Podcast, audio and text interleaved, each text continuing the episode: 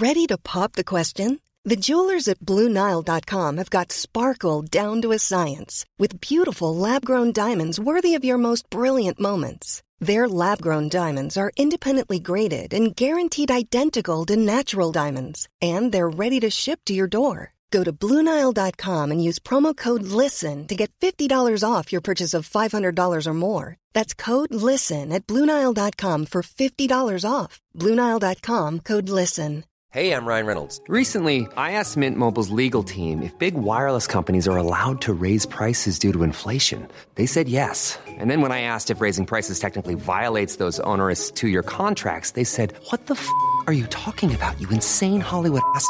So to recap, we're cutting the price of Mint Unlimited from $30 a month to just $15 a month. Give it a try at mintmobile.com slash switch. $45 upfront for three months plus taxes and fees. Promo rate for new customers for limited time. Unlimited more than 40 gigabytes per month. Slows. Full terms at mintmobile.com.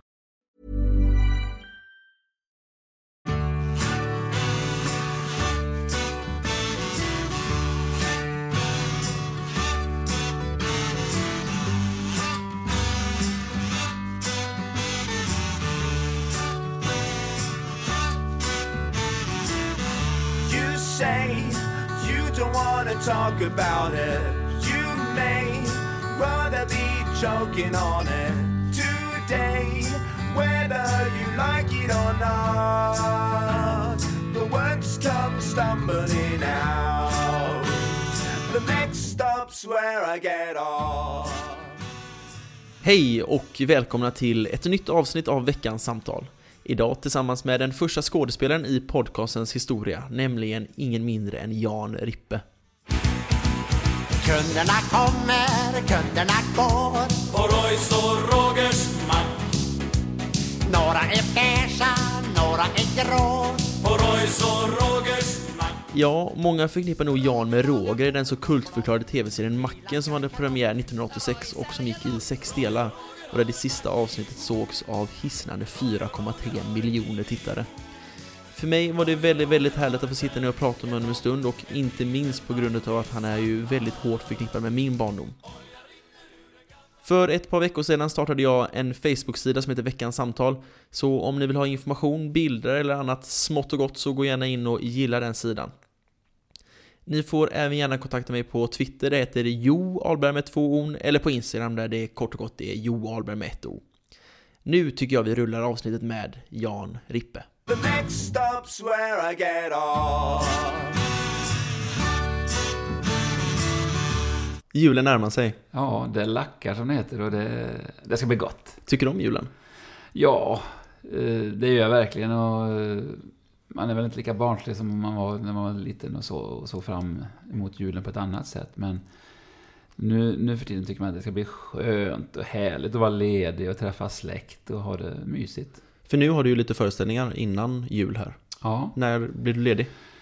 eh, vi kör på fram till eh, lördag den 20. Så att det är ganska nära in på jul där. Ja, skönt att vara ledig sen. Och... Ja, det, men det är det sista vi kör. Kört något som heter 30-årsfesten, en jubileumsföreställning nu då i två och ett halvt år.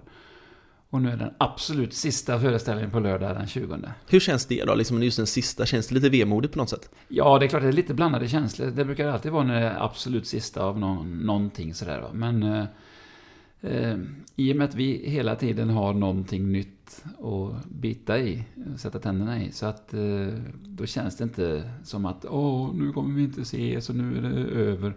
Utan eh, vi drar igång redan på nyår och sen så är det turné och, och här i vinter och vår och sen så har vi redan fått manus som vi ska börja jobba med nu då tills nästa höst när vi ska ha en ny uppsättning här i Göteborg. Sätter du och läser igenom manus innan då? Alltså typ nu, så att du vet ungefär vad det handlar om?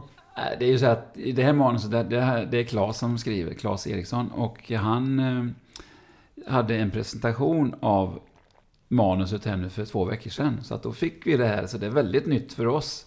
Och jättespännande då. Då vill man, åh, man vill öppna den här manuspärmen direkt nu och börja jobba med den. Men eh, dels är det inte färdigt och sen ska det bearbetas lite av oss alla och sådär. Så att, eh, men under våren här kommer jag absolut att börja plugga manus och, och kika på det lite så här. Är det roligt att plugga manus? Ja, det är det. Eh, oftast är det för att, eh, som jag sa, något nytt. När man har kört något gammalt, då tycker man efter ett tag att nej, då kan man det. Va? Men eh, Särskilt om det är något som man tycker är kul på manusstadiet. Då vill man väldigt gärna eh, läsa det och plugga det. Då går det väldigt lätt att läsa in. Du, om du själv skulle få beskriva vem Jan Rippe är, hur skulle du beskriva det själv då? Ja, det är en bondläpp från Mariestadstrakten som hamnar nere i Göteborg och skulle börja plugga på Chalmers och bli civilingenjör. Och så hamnade han eh, bland en massa andra dårar där och, och hade alldeles för roligt. Och så bildade vi en sångkvartett som hette After Shave. Och så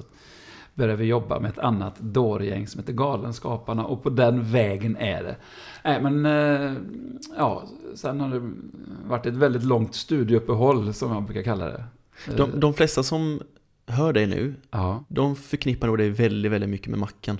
ja det förstår jag. Hur är det att bli så förknippad med en tv-serie som Macken? Det var ju en stor, stor succé. Nej, det är väldigt eh, kärleksfullt och, och känns bra. Eh, det var lite konstigt i början. Så var vi... Eh, vi var ju inte vana vid det, att, att det skulle bli sån. På den tiden när vi spelade in Macken och det sändes. Det var ju hundra år sedan snart. Nej, men det var 1986 som det, tv-serien sändes första gången. Och då hade ju i Sverige bara två tv-kanaler. Hör och häpna. Det är du. Ja. Så det hade ju väldigt stor genomslagskraft, allt som gick på tv.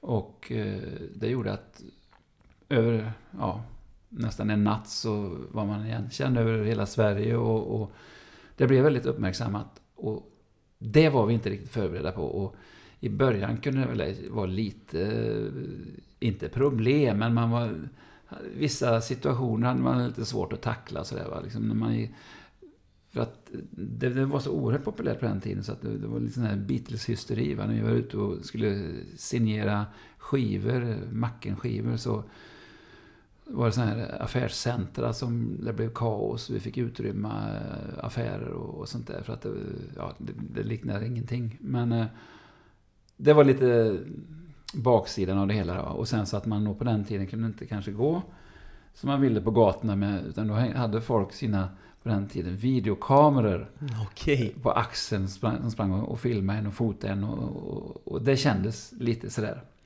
intrång på det privata. Men, men eh, jag har aldrig haft något större problem med det. Utan, eh, ja, jag tycker det är rätt roligt.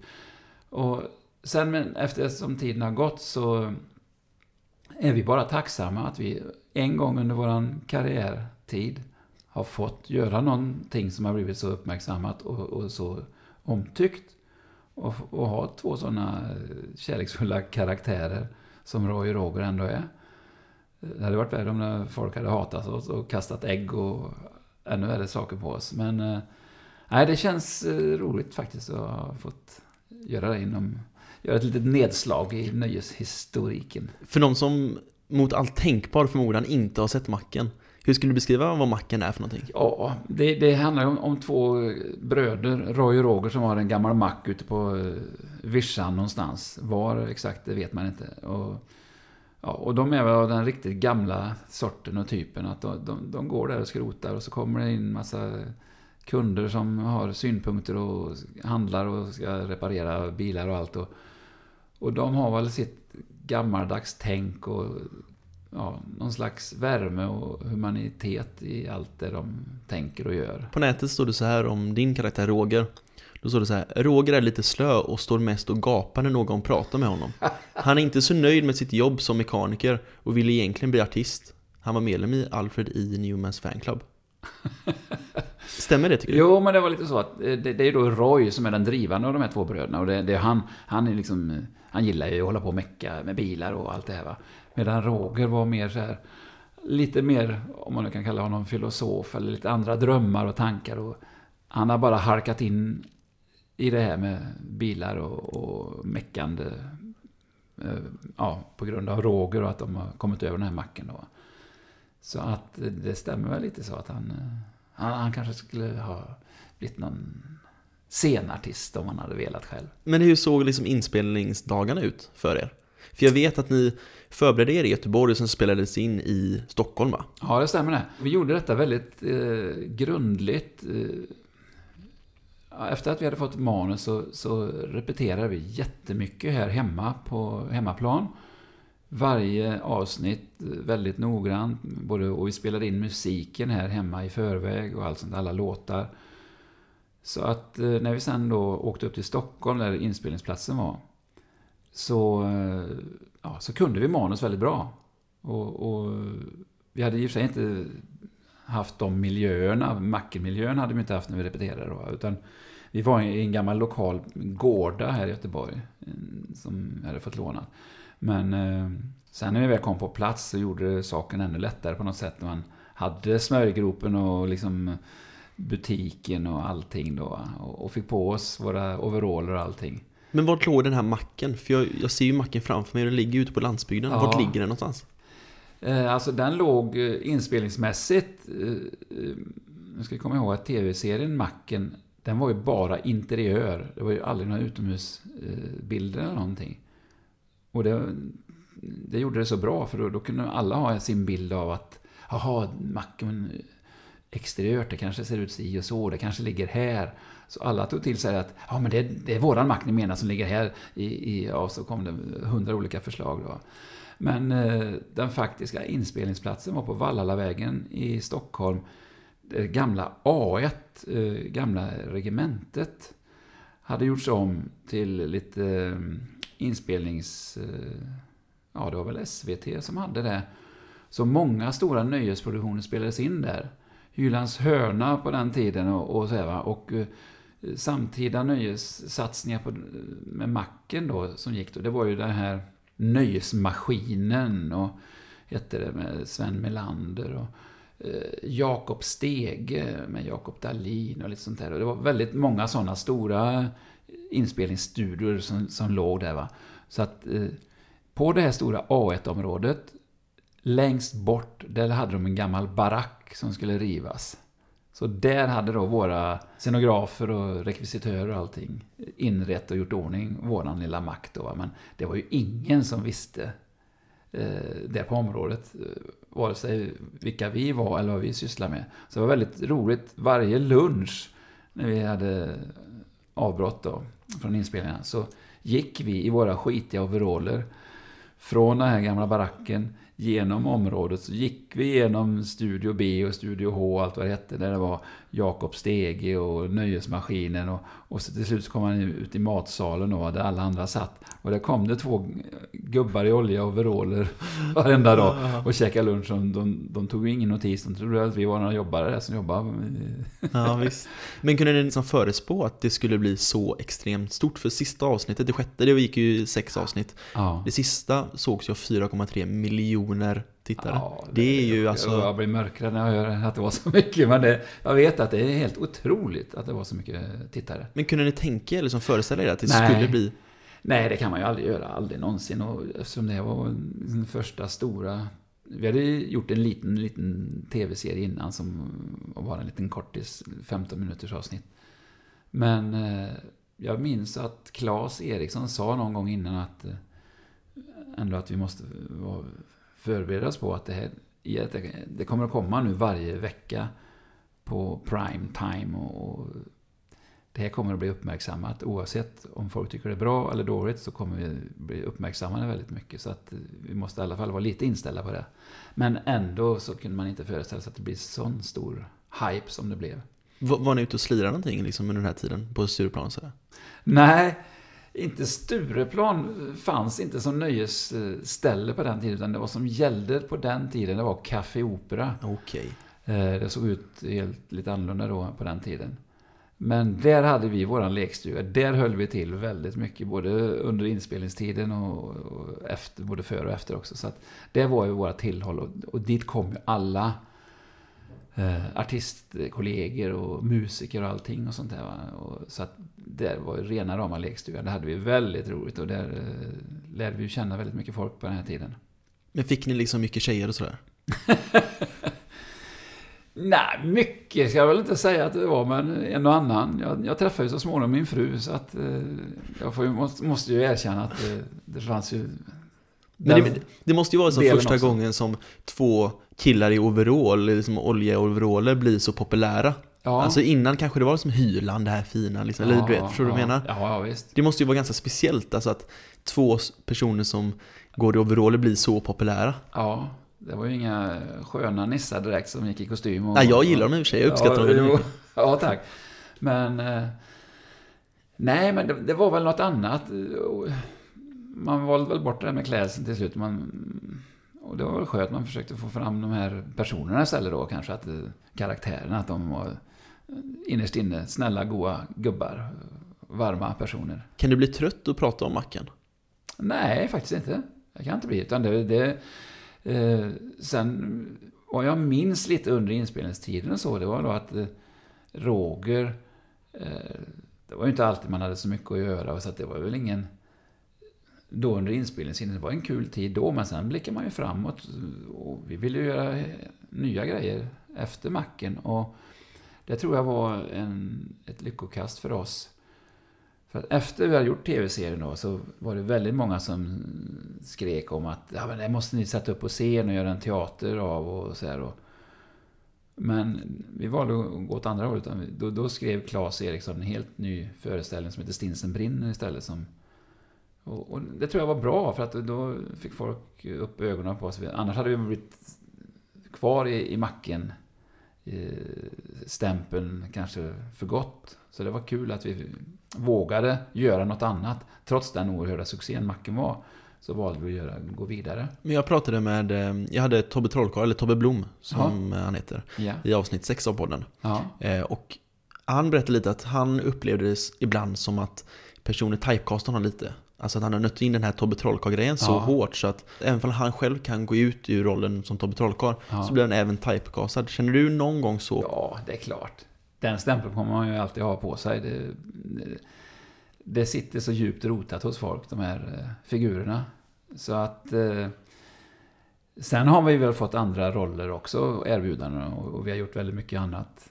Men Macken var ju det klart största som vi slog igenom med och det, då är det alltid liksom det som sitter kvar mest fastetsat hos folk. Liksom. Så att eh, Roger får jag leva med hela livet, det tror jag. Och det, det har jag ingenting emot. Det är som sagt, som jag sa innan här, att eh, har man fått en sån karaktär, då ska man bara vara glad och tacksam. Och liksom när vi står idag och sjunger Macken-låten, det, det gör jag med ännu större glädje idag än vad jag gjorde för 25 år sedan. Har du någon historia från den här tiden som du tycker definierar den här tiden på ett bra sätt? Liksom just hysteri med Macken och sådär. För jag kommer ju ihåg de här kvällarna man satt upp, satt upp och kollade på det här. I efterhand då. Ja. Hur fast man var och hur liksom, ni var ju som idoler. Nu är visserligen ja. jag född 91 här, så ja. Men ändå, jag kommer verkligen ihåg att liksom, Macken, det var någonting man kollade på. Ja. Alltså det gick och man skulle kunna se det flera gånger och man kan sjunga med i låtarna och alltihop och sådär. Har du någon historia från den här tiden som du tycker liksom definierar hysterin kring Macken? Det är ganska mycket som man skulle kunna berätta om det här. Men, men just, just eh, den här hysterin, det var som jag sa, vi, vi gjorde ju en LP-platta som det hette på den tiden då va? Eh, en skiva med alla Macken-låtarna och eh, ja, vi låg ju på Svensktoppen då med flera av de här låtarna macken och husvagn och eh, allt vad det var. Va? Men eh, då skulle vi göra en skivsigneringsturné, jag och Anders. Och ut och signera plattorna då. Och då började vi i Mariestad av alla orter, min hemmaort. Och eh, redan när vi kom till stan så kände man något i luften att det var något konstigt den dagen. Då. Och när vi väl kom till den här radiohandeln, eller eh, vad ska man säga, butiken. Så då var det kaos utanför redan då. Och så vi fick gå in bakvägen. Och satt på kontoret med ägarna och de satt och var fruktansvärt nervösa och stressade. För då, då började det liksom bli upplopp inne i lokalen. Eh, folk låg på hyllorna och det var liksom... Eh, så att vi fick bara... Jag fick gå ut och lugna massorna, om man nu kan kalla det så. Va? Eh, och, och säga att...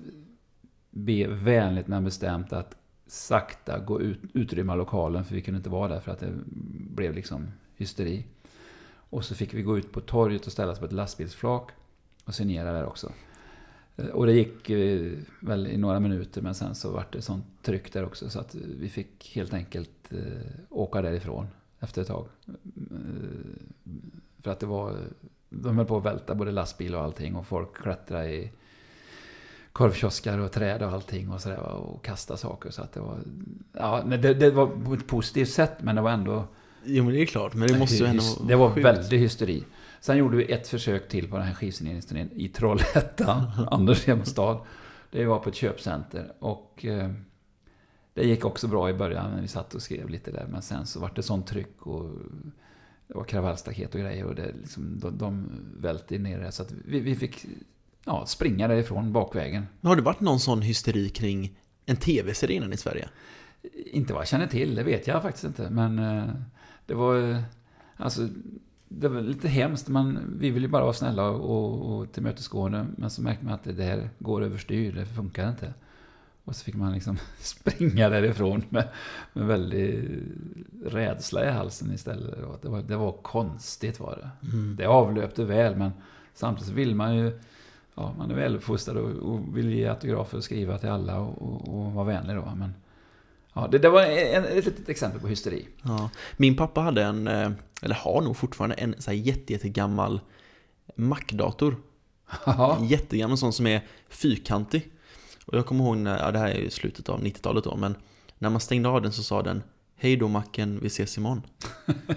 ja, det är stort. Det är stort ändå. Gammalt citat. Ja. Visste ni att, det, att Mac hade tagit in det? För jag vet, jag jag, det måste ha tagit in det på datorn på något sätt. Ja, ja, jo, men jag har hört, jag har hört talas om detta och det, det, det är så mycket sådana här erbjudanden och sånt som vi har fått. Då, men, eh, jag, jag vet att eh, de hade det, så att det, det, det, ja, det är väldigt lustiga. Men ko- kommer det en förfrågan till er då? Hej, här kommer vi Mac. Vi vill ha Hej då macken, vi ses imorgon på vår dator. Eller får ni någon förfrågan om det? Ja, det kanske vi inte får idag, va? Men, men då fick vi ju... Det var också en, en ny väldigt konstig upplevelse för att vi fick eh, helt plötsligt kastas oss in i den här reklamvärlden. Eh, eh, som vi inte ville vara i då. Va? Men, men eh, vi fick dagligen kanske en 25 olika stora reklamerbjudanden under, under ett par månaders tid efter macken var, var klar. Och det handlade om så stora pengabelopp så att man blev mörkrädd. Och, så att vi visste inte vad vi skulle göra. Och det var väldigt lockande att, att säga ja till de där. Men vi har en policy i gänget att vi delar på allt. Och skulle jag och Anders helt plötsligt som Roy och Roger ha roffat åt oss alla de här erbjudna pengarna så hade vi ju gruppen dött på ett halvår.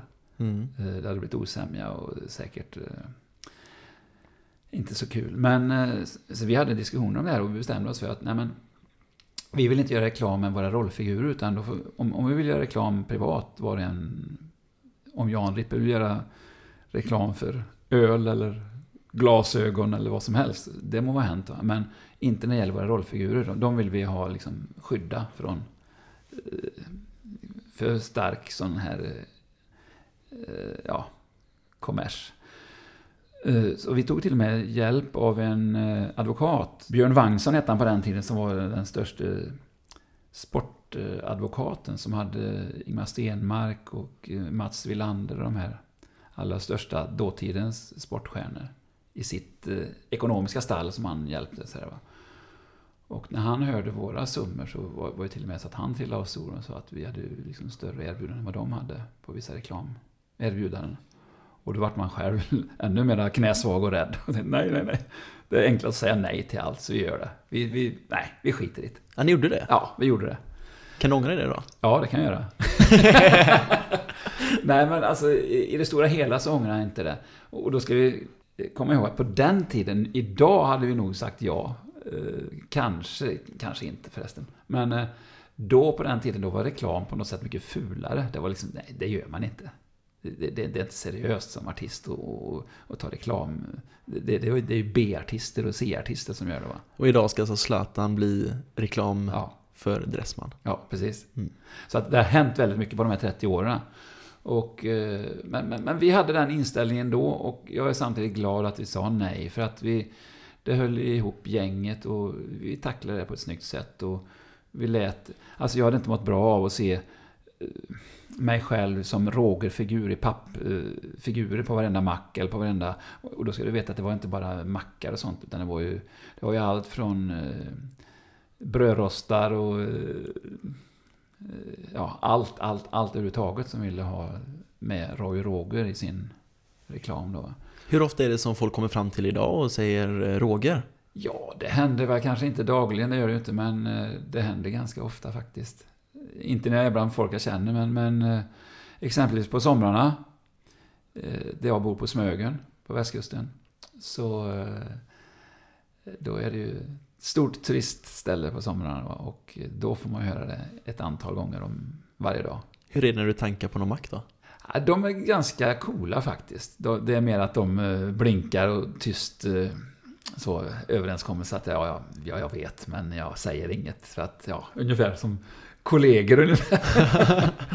Men du känns ju väldigt, väldigt varm. Du känns som en väldigt härlig person. Alltså väldigt så här lätt att ha att göra med på något sätt. Ja. det, ja, det är svårt Ja. att se dig arg Ja, något sätt. nej, men det, det, det är sällan jag är riktigt arg. Det, det stämmer. Och jag, nej, men jag tror att och det där är individuellt hur man är. Jag, jag, det är likadant när man är ute på krogen exempelvis. va. Så, ja, är man där sent och det, det kommer fram lite överfriskade personer så vill de ju oftast komma fram och tjata. Då, va? Och det kan ju vara lite jobbigt i vissa lägen. Men då är jag, tycker jag så att, jag, dels tycker jag det är roligt att prata med människor.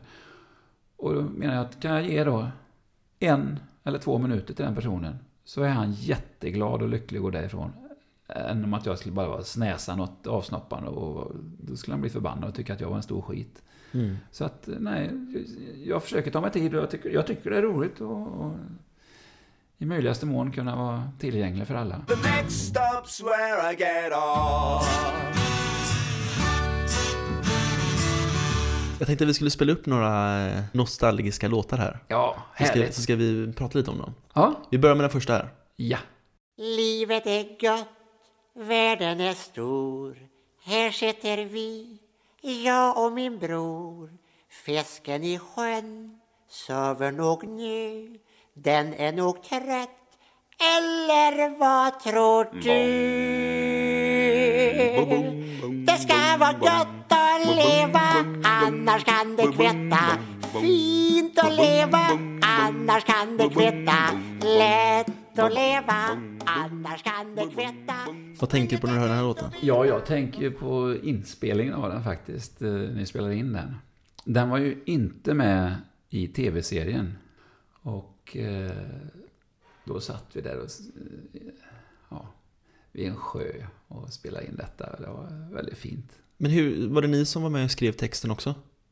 Nej, det är Claes Eriksson, återigen, som har skrivit hela den texten. Ja, nej, det är han som har skrivit hela macken överhuvudtaget. Så det, det är allt från Claes penna. För, för den här låten, alltså Jag kommer ihåg när jag växte upp liksom att Ja men det är gött att leva, eller i alla fall i Göteborg Ja. så, så det blir det som ett uttryck där att ja, men det ska vara gött att leva, Ja. det liksom sådär Det måste ju vara speciellt ändå att göra någonting som etsar sig fast hos så många personer och Ja. jag är helt övertygad om att i stort sett alla kan sjunga med i den här låten Ja, jag vet. Jag kan nästan hålla med. Eh, Klart att inte alla kan, men, men eh, väldigt, väldigt många. Och eh, det har ju blivit lite som någon slags, eh, inte signaturmelodi, men, men något som folk förknippar oss med den här låten och ofta vill höra. Så vi har ofta haft med den när vi, inte när vi har gjort de här eh, stora eh, scenproduktionerna och teaterföreställningarna, men när vi har varit ute på annat eh, runt om, turnéer och lite andra, andra program, så har vi ofta haft med den här Gott att leva. Och det är ju väldigt mycket folk som bara sjunger med direkt. Alltså. Och Ibland har man ju liksom, när vi, när vi sjunger den låten så går vi ner och bara står tysta och så hör på hela publiken. Och det är fruktansvärt mäktigt alltså att- känna det. Alltså att, eh, och det, jag menar, vi har sjungit den på bröllop och allt möjligt ett antal gånger. Ja, det, Men det måste vara många som bara liksom ställer sig och ler, eller så här, du vet nostalgi och bara ja, liksom, ja. Det är ju ingen, eh, det är ju ingen eh, svängig hålligång rock'n'roll-låt direkt. Men- Men den sprider någon slags annan känsla, någon, vär, någon värme och igenkännings... Ja, något eh, välbehag på något sätt. För att det, det är väldigt positivt i alla fall. verkligen Nästa låt Roger! Ja, Har du en eh, chefsnyckel? nej, den har kastat. Kunderna kommer, kunderna går. På Royce och Rogers några är grå. På Royce och Rogers mack. Roger lagar motorblock. Bilar kör krock. Roy säljer lock. Roy och Roger har en mack ihop. Du sitter ändå och ler när du hör den Ja, ja, ja. Nej, det finns mycket, väldigt mycket roliga minnen ihop med den här. Grejen var att det här, det här var ju signaturmelodin till Macken, till tv-serien Macken. Och eh, då hade Claes tidigt den idén att den skulle sjungas in. Det var ju sex avsnitt av Macken och då skulle det vara sex olika varianter. För tanken var ju då eh, i tv-serien att varje program, varje avsnitt skulle börja att man hörde den här låten. Och sen skulle den liksom sakta tonas ner på slutet. Och då skulle det visa sig att, att det, den här musiken, den här låten kom från en radio som stod på macken och gick hela tiden, den här radion. Så därför skulle den här sjungas in då av sex olika artister. Vilket eh, också gjordes. Och sen började de att spelas då va, eh, i radio. Och då hade vi själva inte spelat in vår egen variant än. Men det gjordes tack vare Bert Karlsson. Ja, det är så? Ja, Ja. det var nämligen så här att eh, Bert har ju näsa för det här va, med musik och vad som slår. Så att han märkte att det här är ju en hit, sa Bert. Så han gick ju direkt och spelade in en egen variant av Macken med ett ungt gäng från Vänersborg som hette något Black eh, någonting. Ett ungt pojkband på den tiden då va. Och, ja, och som bara vi fick höra helt plötsligt. Eh, vad är detta? Och då tyckte Claes att nej, ska Bert få eh, göra pengar på det här? Nej, nej, nu måste vi ha en egen version av det här också. Så att jag vet, vi var i Stockholm och gjorde någonting. När Claes ringde hade fått reda på det här. Så han sa att ni ska omedelbart åka ner till Bohus studio och spela in en egen variant av det här, våran Macken-låt, i natt. Så vi flög hem, åkte direkt och stod där på natten. För då hade Claes nämligen skrivit den, en tredje sista vers. Ja, okej. Vilken var det då? Ja, den, den börjar ju då med huvarna öppnas, öppnas kalvarna Ja, just det. Den fanns inte i första Okej. versionen som de här sex artisterna sjöng. Och inte heller i den versionen då eh, som Bert Karlsson hade spelat in. Så därför var det då roligt att nu, nu kommer själva originalet med Roy och Roger själva. Och Selling a little or a lot?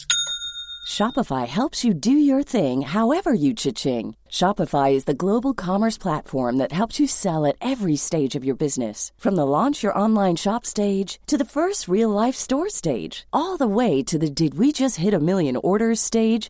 Shopify is there to help you grow. Shopify helps you turn browsers into buyers with the internet's best converting checkout. 36% better on average compared to other leading commerce platforms because businesses that grow grow with Shopify. Get a $1 per month trial period at shopify.com/work. shopify.com/work. Hey, I'm Ryan Reynolds. Recently, I asked Mint Mobile's legal team if big wireless companies are allowed to raise prices due to inflation. They said yes. And then when I asked if raising prices technically violates those onerous two year contracts, they said, What the f are you talking about, you insane Hollywood ass? F- So to recap, we're cutting the price of Mint Unlimited from $30 a month to just $15 a month. Give it a try at mintmobile.com slash switch. $45 upfront for three months plus taxes and fees. Promo for new customers for limited time. Unlimited more than 40 gigabytes per month. Slows. Full terms at mintmobile.com. Many of us have those stubborn pounds that seem impossible to lose, no matter how good we eat or how hard we work out. My solution is PlushCare. PlushCare is a leading telehealth provider with doctors who are there for you day and night to partner with you in your weight loss journey. They can prescribe FDA-approved weight loss medications like Wagovi and Zepbound for those who qualify.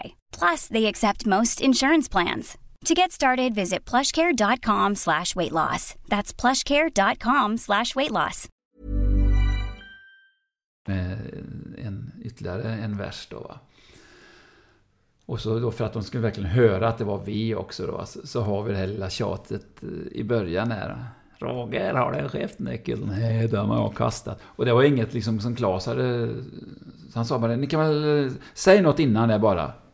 Så att, det bara kom under natten vi stod där vid inspelningstillfället.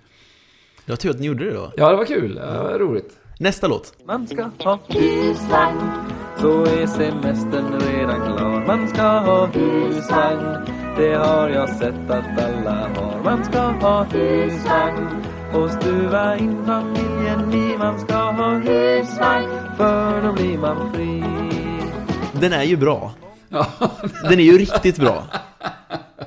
Ja, nu i efterhand får man ju säga att den har i alla fall slagit och blivit populär. Ja, men de flesta, de flesta låtarna här slog ju verkligen. Ja.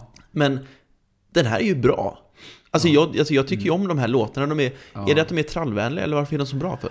Ja, jag vet. Jag, jag har ingen bra recept på det. Men, men det, det är väl att... eh, kombination av text och musik helt enkelt. Som, eh, texten sätter sig och, och, och även musiken då. Det, det är ingen jättekonstig svår melodi och det, texten är attraktiv. Och vi, jag vet när vi skulle spela in det här också då, hur, hur vi skulle, var det diskussioner om hur vi skulle göra den. Och, och Per då, som sjunger, Per Fritzell, han var också tveksam lite i början. så, Men ja, eh, eh, och, hur kommer de här husvagnsfolket och, och campingmänniskorna, kommer de bli förbannade och tycka att det är liksom att man driver med dem och sådär. Men tvärtom, va? det har blivit liksom alla älskar den och inte de minst. Liksom de, Ja, husvagnsmänniskorna och campingfolket. De älskar ju den. Så att den, den, den har ju ja, verkligen blivit en riktig klassiker. Så jag tror att det mm, jag hörde ganska nyligen nu här i, för en månad sedan att, att det var den av våra låtar som var mest eh, eh, klickad, eller vad heter det? På, Mm. på Spotify, letad av våra låtar. Ja men det är ju nostalgi. Ja. Det är ju det. Ja. Men hade ni någon tanke med liksom att anspela på någonting som svenska folket kunna relatera till på något sätt? Det var ju det här att eh, i den här villervallan av roliga och udda och människor som kom till macken och skulle tanka och handla och sådär så, så, så var det ju så, ett exempel ur alla, hela kartoteket av människor var ju de här husvagnsmänniskorna som kom. De kom in då och ska handla där. Va? Och, då, och så gjorde vi den här låten. Så att det var en bild av svenska folket helt enkelt. Ja visst. Sista låten. Ja. Jag har ett eh, väldigt härligt minne av den här låten. För att min släkt gillar väldigt mycket sport. Ja.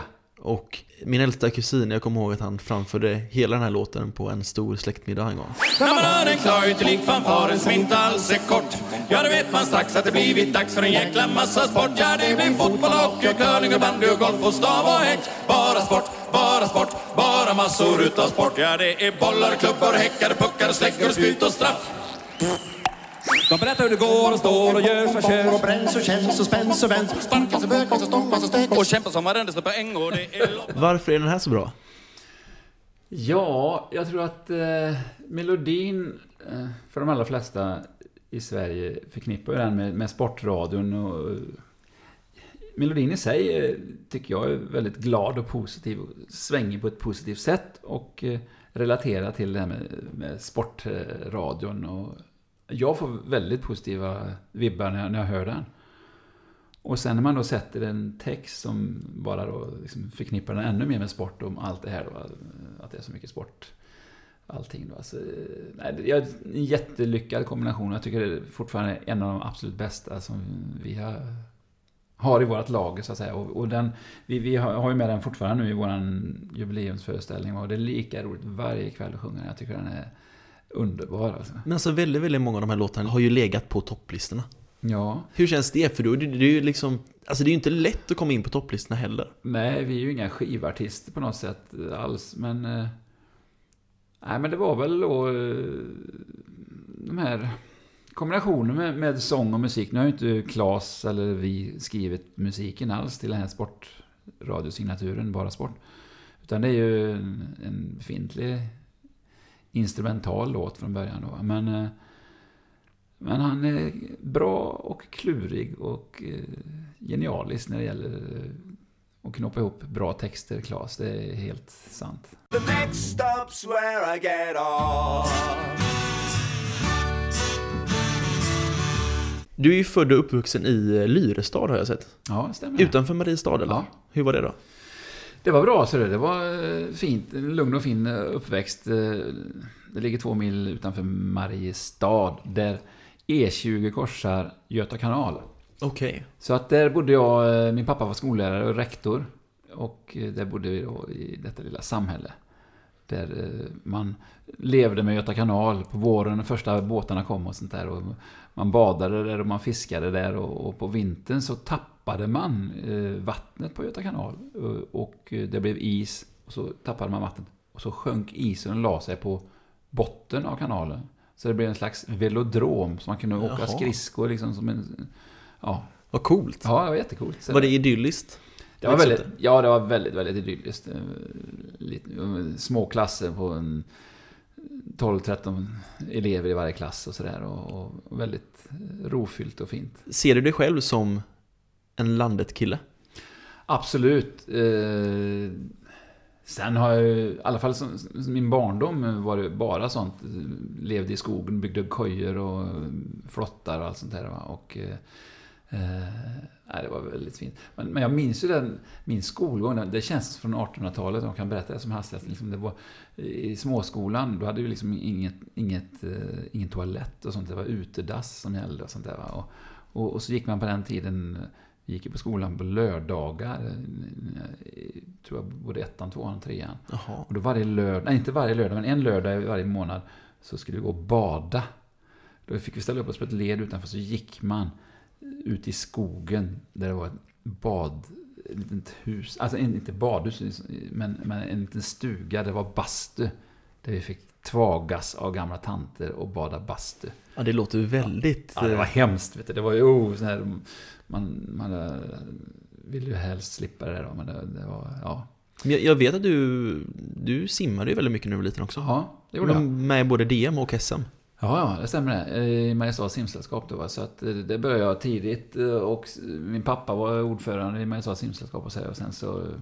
Vi flyttade in till, till stan sen då efter ett tag. Och, eh, alltså hela, under hela min uppväxt så höll jag på med simning och, och tränade och tävlade. Så att, eh, och det präglade också mitt liv väldigt mycket. av fortfarande mina äldsta och bästa kompisar, det är gamla simmarkompisar faktiskt. Så att, eh, nej, det, det var väldigt kul. Men hur seriös var du då? Ja, Jag var väldigt eh, superseriös när det gäller det. Eh, Under, eh, vad ska jag säga, hela ja, ska jag säga, högstadiet eh, och gymnasiet faktiskt. Fram till, eh, ja, till 20-årsåldern. På den tiden var det, då var man gammal. eh, Så, men, eh, och sen flyttade jag till Göteborg när jag var 20 år. Vilket år var detta då? Det måste varit... Det var 1975. Alltså efter eh, st- studenten och efter att jag gjort lumpen så flyttade jag ner och, och började på Chalmers. Var det därför du flyttade ner också? Ja, det var därför. För att jag skulle gå och bli civilingenjör. Och, ja, och det var där du träffade övriga medlemmar? det var där jag träffade de andra dårarna som vi bildade After Shave och jag. Så att, eh, nej, det var jättekul. Jag hamnade på Chalmers egentligen. Eh, eh, Som specialarbete på gymnasiet så hade jag att man... Jag byggde stereo som det hette på den tiden. Va? Eh, jag gillar ju musik då. Så att jag, och då fick jag för mig att jag var tekniskt kunnig för att jag lyckades bygga en förstärkare och lite sånt där. Va? Så, att, eh, ja, så jag sökte in på Chalmers. Det var väldigt många som, av mina kompisar från Mariestad som flyttade till Göteborg efter studenten. Och, så att, ja, det gjorde jag med. Då sökte till Chalmers och kom in. Och sen så kände man väl efter ett tag att man kanske inte var så där riktigt teknisk som man kanske borde ha varit. Men istället så träffade jag de här andra dårarna. Så att, eh, Skulle du säga att det var en slump att du träffade dem? Ja, absolut. Visst var det så. Eh, när man väl började på Chalmers så... Eh, jag hade några äldre kompisar där som, som rådde mig att jag skulle eh, engagera mig mycket i, i kårlivet och sånt där. Vilket jag gjorde. Och det var ju jätteroligt. Då. Så att man var ju med till höger och vänster i utskott och föreningar och sånt där. Va? Och eh, på så sätt fick man ju massa roliga kompisar och väldigt mycket kontakter. Och det var på så sätt som vi träffades. Jag, jag var en kurskamp. Per Fritzell och jag var eh, kurskamrater på elektroteknik på Chalmers. Och vi fann ju varandra ganska snabbt när vi märkte att vi, vi var de där som satt längst upp, längst bak i föreläsningssalarna och sådär. Och eh, ganska tidigt, efter bara några veckor. Och, och ja, som hade väldigt roligt på gasker och fester och sånt där som sjöng och skrålade och höll igång. Och, ja, och så vart man då toastmaster där och, och lite sånt där. Och, så efter ett par år så tyckte väl vi då att vi kanske skulle ta ett eh, uppsamlingsår och plocka tentor och ämnen som vi hade efter oss. Så det gjorde vi, men det vart lite för mycket skidåkning och, och spel och musik istället. Så att eh, när vi väl började plugga igen då så, ja, nej. Det var inte så jätteroligt som vi hade, kanske hade hoppats. Så att, eh, då, då kom ju det här mer och mer med sjungandet. Och... Men du hoppade av då? Nej, jag gjorde inte det. Utan vi, vi var ju fortfarande inskrivna hela gänget. Och, men vi, hade, vi började med After Shave då. Eh, jag och eh, Per och eh, Knut och så även då Peter Angmar som dog 97. Det hela var att vi, vi anmälde oss till en kvartettsångartävling på Chalmers som de har runt Lucia varje år. Och det var bara en kul grej då. Så då var vi tvungna att ha ett namn och då var det så att Per Fritzells pappa sjöng Barbershop i Stockholm, någon kör där va. Och, ja, och då var det så att vi skulle ha med en obligatorisk låt, någon manskörslåt som heter Anders han var en hurtig dräng. Och sen skulle vi ha en valfri låt också då. Och som valfri låt så valde vi då en sån här barbershop-låt som vi hade fått knycka av eh, Pers pappa då. Och när vi sen skulle då anmäla oss och ha ett namn då, så var det någon som kom på att ja, vi måste, ja, då, ja ta After Shave då, en liten liten här barbershop-anknytning då. Så så fick det bli, och sen så vann vi den här tävlingen, det var ju inte märkvärdigt, men, men för oss var det väldigt stort då, va? och eh, efter det tyckte vi att wow, hela världen låg öppen för oss, att vi, vi sjöng ju i tid och otid och repeterade jämt. Och, och därav att studierna blev lidande för att vi, vi pluggade ju inte alls utan vi bara sjöng dagarna i ända och hemma hos någon, satt hemma och repa och, och lärde oss nya stämmor och nya låtar och sånt där. Och det var jättekul och väldigt, vi var väldigt produktiva på den tiden och, och, och lärde oss just det här med, med våra stämmor och sånt där. Och, eh, alltså det var väldigt kul alltså, men, men alltså, det var ju en slump att vi fann varandra. Det var ju så att jag och Per, vi hade, var kurskamrater och att vi satt och spelade gitarr ibland på några Chalmersfester och sen så dök ju Peter upp och, och hängde på och lite så här, och hela den här stora kretsen av glada människor så dök Knut upp då när han började på Chalmers några år senare och sen så Sen var det kört. Sen var det kört. Ja. 82 så inledde ni ett samarbete. Ja, precis. Med Galenskapen också. Då hade vi, jag hade ju känt Anders i många år innan och, så, och innan vi började After Shave. Eh, faktiskt via simningen, för när jag flyttade ner till Göteborg så var det många av mina gamla simmarkompisar, bland annat från Trollhättan, som flyttade ner och började på Chalmers också. Och då var Anders Eriksson kompis med dem från Trollhättan, då? I, i simmargänget från Trollhättan. Så att så lärde vi känna varandra. Jo, så att jag umgicks ju mycket med Anders redan innan vi började After Shave. Och då... eh, Så han hängde på lite sådär och liksom hang around till After Shave då. Så att vi till slut började jobba, vi fyra och Anders. After Shave och Anders gjorde någon, några tafatta försök. Och då märkte Claes Eriksson att Anders drogs så mycket till oss, till det gänget som inte han kände. Så då föreslog Claes då att kan du inte ta med de där After Save-killarna kan vi se om vi kan göra något ihop. Så så började hela vårt samarbete. Så att vi, vi satt hemma hos Claes, Galenskapen och After Save och funderade på om vi skulle försöka göra något tv-programförslag ihop. Men det var de inte intresserade av på Göteborgs TV. Så då sa vi att, ah, men då gör vi en egen föreställning istället. Vi, vi hittar på något och, och sätter upp så att folk får komma och titta på detta. Och det var liksom startskottet. Och så kom den första revyn 1982, Skruven är lös.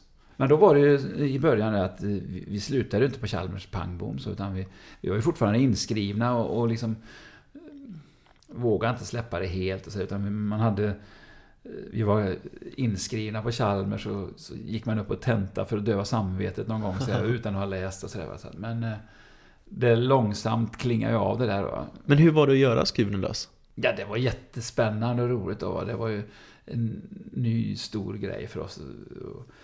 Att hyra Stenhammarsalen på Konserthuset i Göteborg. Det var ju liksom skrapa ihop eh, pengar och, och jag vet, vi fick låna lite pengar och Anders hade undanlagt det så att vi, vi kunde betala den här hyran då. Och vi skulle göra fyra föreställningar en hel helg.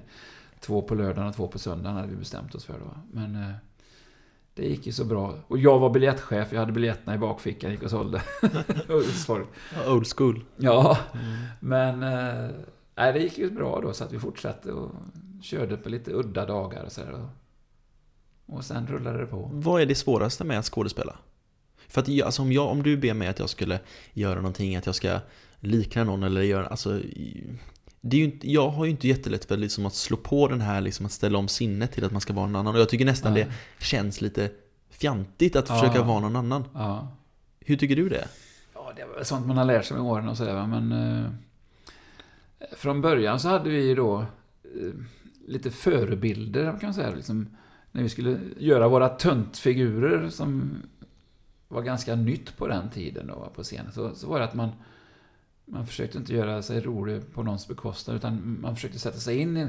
Hade man någon förebild av någon, någon liten mes som man kände då, och så försökte man bara liksom och härma honom lite och vara lite lik honom sådär. Och, och så märkte man att det gick hem.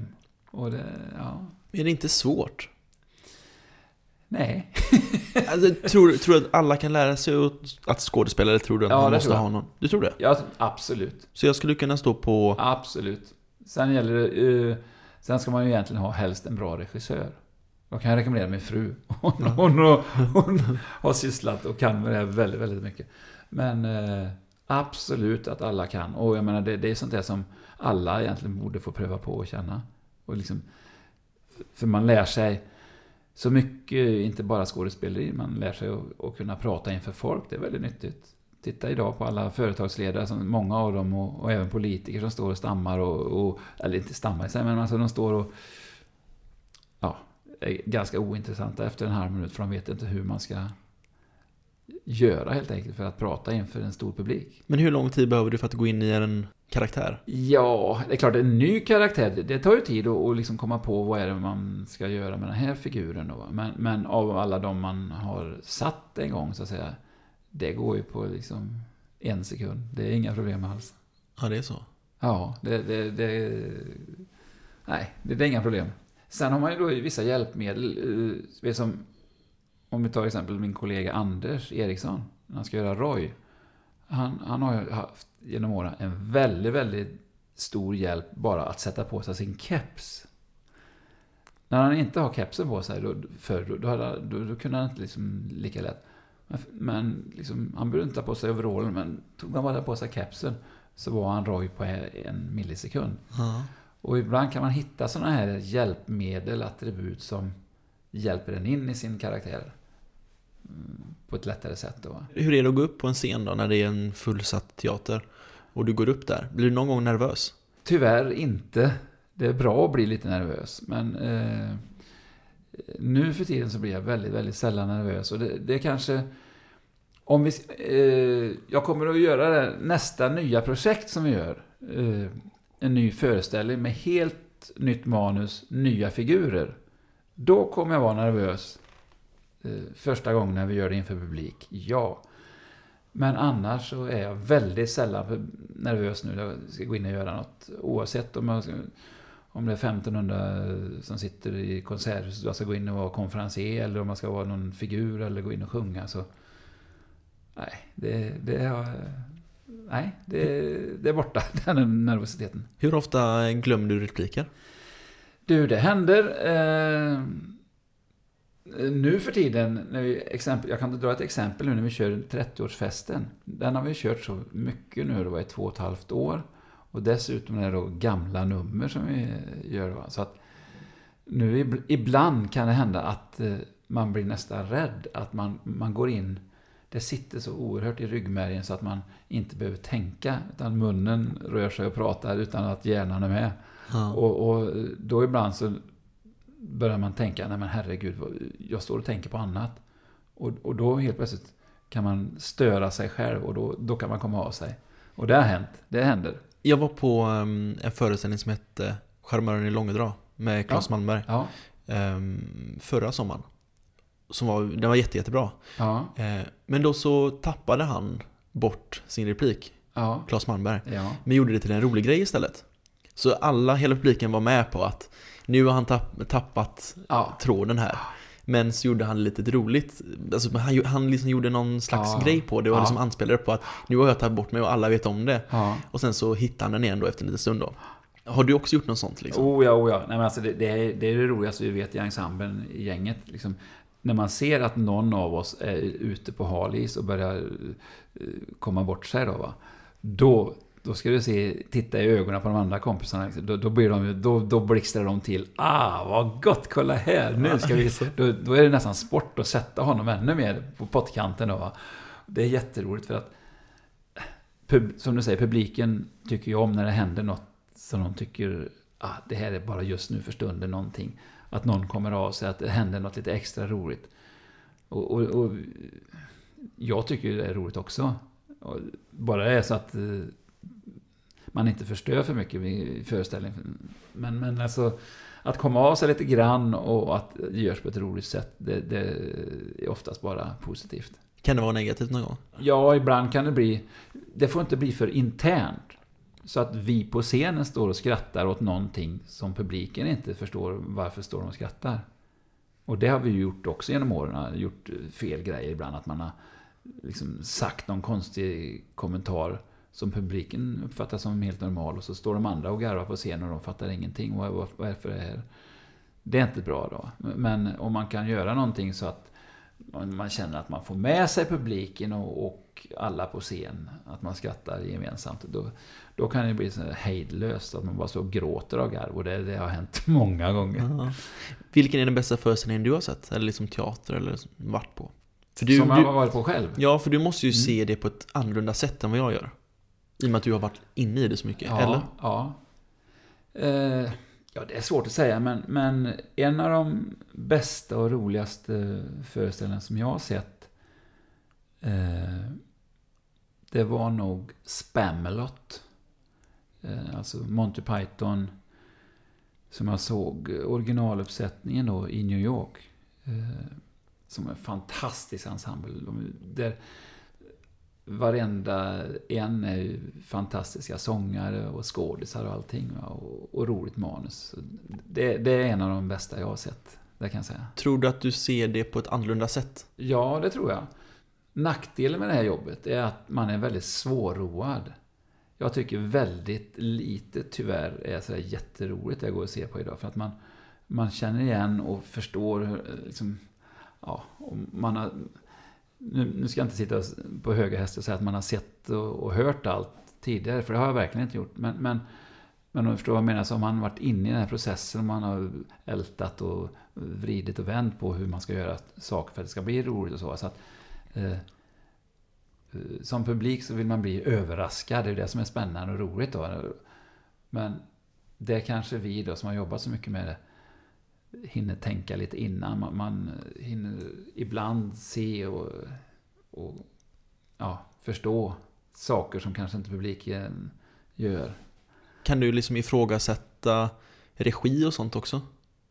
Ja, visst kan man göra det. Men eh, jag, jag är inte på något sätt någon bra regissör så. Men, men eh, det, det, visst kan man göra det. Tycker att vissa föreställningar, vissa eh, konserter, eller vad man ska säga, att vi, eller jag, skulle ha velat haft ett annat upplägg på det, eller en annan regi. För att vara lite försiktig, diplomatisk. Exakt. Vad skulle du vilja göra mer utav? Oj, det är mycket. Jag är ju bara i början av min karriär. Ja, exakt. I början, innan jag var klar med det här, eh, att jag skulle... Alltså skulle det visste man ju inte om att... Eh, för det var väl länge bara att det bara rullade på som en hobby. Men samtidigt kände jag ju då att det med, med civilingenjör och... Eh, det var inte riktigt min grej. Så jag, var, jag hade ju en dröm om att jag skulle ha en liten pensionat i Alperna. Och ha där och gå där som en patron och öppna fönstret och gå ut och sanda lite och, prata med gästerna och mysigt där på frukosten. Och andas frisk alpluft. Men eh, det har jag insett att så kommer det inte bli. Men, men det var en dröm jag hade. Som ju skiljer sig helt från det jag gör idag. Ja, verkligen. Men sen så... Ja, när jag har en liten dröm, eh, jag och min fru, att vi skulle flytta till New York. Och eh, i alla fall under minst ett år. Och se hela årets skiftningar och vara där och lära känna den stan lite mer. För att eh, vi är väldigt förtjusta i New York och det, det skulle vara spännande. Vart skulle ni vilja bo då? då? I Soho. I Soho? Ja. ja. Det är väl härligt. Det är ganska långt ifrån Mariestad. ja. Det måste jag ändå säga. Ja, ja det är det. det. det. kan jag erkänna. Vad är det som är så bra med New York? Det är sån energi där. Eh, tycker jag. När man, det räcker bara att gå ut på gatan så känner man någon slags oh, allting är möjligt, positivt energi och det finns... Och ändå så är eh, Manhattan i sig och New York inte så vansinnigt stor som jag trodde en gång när jag var liten. Utan det, det är ganska överblickbart och ja, inte så stort. Utan, nej, och så skiftningarna i, nästan från distrikt till distrikt eller kvarter till kvarter. Så här. Det, det, ja, det är något positivt spännande där som jag gillar. Får väldigt mycket inspiration där kan jag tänka mig. Ja absolut. Så att, eh, ja, det skulle vara kul att prova på och bo där en, ja, under en, inte för, inte för evigt, men under en period i alla fall, inte längre period. Men sen så har vi jag älskar ju västkusten här och, och Bohuslän och Smögen är jag mycket på somrarna och så här. Och där vi har, min fru har två lite små butiker eller gallerier. Och det, det är kul att, att pyssla med det lite. Mm. Det är bara några dagar innan jul här nu. Vad ska du göra över jul? Jag ska vara med min frus släkt och familj uppe utanför Stockholm. Det blir ett stort, rejält gäng med många, många släktingar som har förhoppningsvis kul och äta gott och koppla av och ha det kul tillsammans. Och vad härligt. Då kanske ni får lite snö. När jag åkte från Stockholm igår så snöade det. Ja. Och det la sig vet jag också. Ja. Här är det ju regn som vanligt. Ja. Eller blött på Ja, Göteborg då. Jag såg faktiskt lite bilder på Facebook att det var lite snö där igår. Och eh, sen eh, ska jag faktiskt åka upp till Sälen på nyår också. Så att eh, där fick jag också videosnuttar från igår med fantastiskt snö och vintermiljö, väder. Så det såg härligt ut. Vad skönt. Ja. Är det någonting som vi inte har pratat om så du trodde jag ville prata med om John? Ja, det är säkert. Det finns säkert massor som jag glömt. Men jag kan inte komma på just nu. Utan, eh, nej, jag är glad och nöjd. Det var jätteroligt att jag fick vara med här och prata med dig. Väldigt trevligt. Och så får jag hälsa alla lyssnare. En riktigt god jul och gott nytt år. Ja, verkligen. Dricka mycket glögg och äta lussekatter och Exakt. knäck och allting. Exakt. Julskinka gillar jag. På vörtbröd med senap. Det är gott. Vilken låt ska vi gå ut på då? Ja, du kan ju, om du nu var inne på Roger då, så har ju Roger nästan en egen låt som heter Egentligen. Just det. Det kan vi ta som en liten avsignatur. Vi kör den. Jan Roger Rippe. Ge mig musik. Ge mig ett gage, ge mig publik så ska ni få se nu äntligen vad jag skulle gjort egentligen.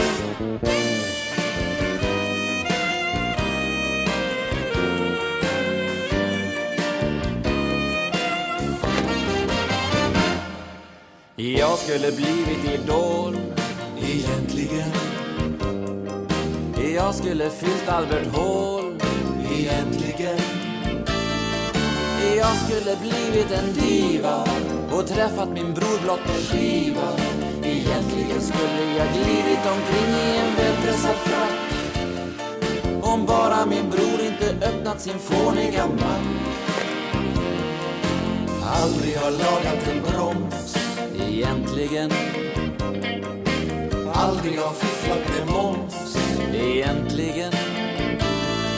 Ja, jag vill ha kvinnor att hetsa istället för balkar att svetsa Egentligen skulle jag glidit omkring i en stor Cadillac.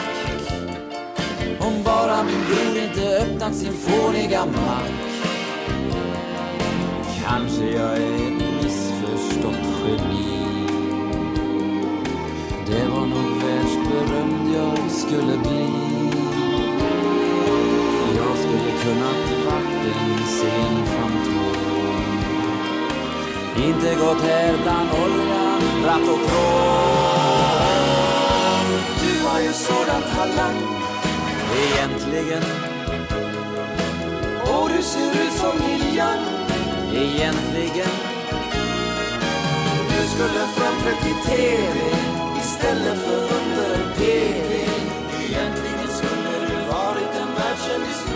sprack.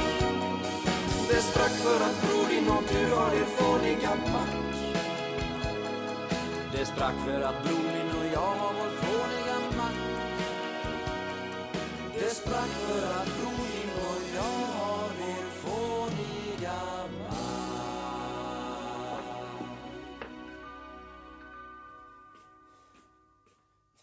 Sätt igång och jobba med den nu, annars så tänker jag lönen för dig din lathund.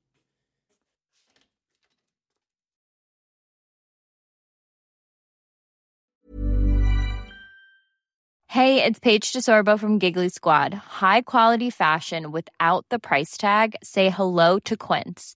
I'm snagging high-end essentials like cozy cashmere sweaters, sleek leather jackets, fine jewelry, and so much more. With Quince being 50 to 80% less than similar brands.